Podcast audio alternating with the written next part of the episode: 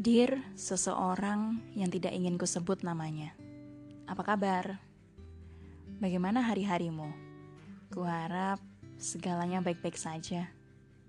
Dan aku harap tawa selalu ada dan menempel di wajahmu. Ah, tawamu renyah, tidak terlalu keras. Aku suka. Hey, Beberapa hari belakangan ini, aku membaca, menonton video, berselancar di beberapa sosial mediaku, dan tahukah engkau, semua yang muncul pada halaman pencarianku selalu tentang melepaskan, seolah semesta memberiku ruang untuk berpikir dan merenung. Selama hampir dua bulan ini, rasaku padamu tidak surut, justru semakin indah, menyerbak gersangnya hatiku merambat padat di tembok egoku. Semakin hari, bayangan tentangmu dalam anganku makin indah, makin menjadi-jadi. Aku mungkin menghapus semua hal dan kenangan tentangmu, tapi tidak dalam hatiku. Terlalu jauh, tak terjangkau. Ya, sedalam itu kau tersimpan rapi di hatiku. Aku tidak lagi menangis karenamu, Aku tidak lagi murung dan diam saat mengingatmu. Aku mulai terbiasa, walau aku benar-benar sadar bahwa kau mustahil untuk hilang dari angan dan hatiku.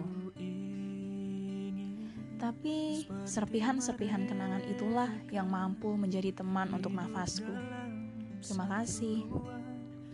Dan kau menjadi alasan paling besar bagiku untuk maju. Membuat podcast ini, aku ingin membuat buku. Tapi sebelum itu terjadi, aku lebih dulu ingin mengenalkan siapa engkau di mataku untuk semua pendengar-pendengarku. Mungkin beberapa orang menganggapmu amat dewasa. Beberapa orang menganggapmu begitu begitu baik, menyenangkan. Aku pun meyakini itu. Kau adalah orang yang baik. Kau sangat dewasa, sangat menyenangkan untuk berbicara denganmu.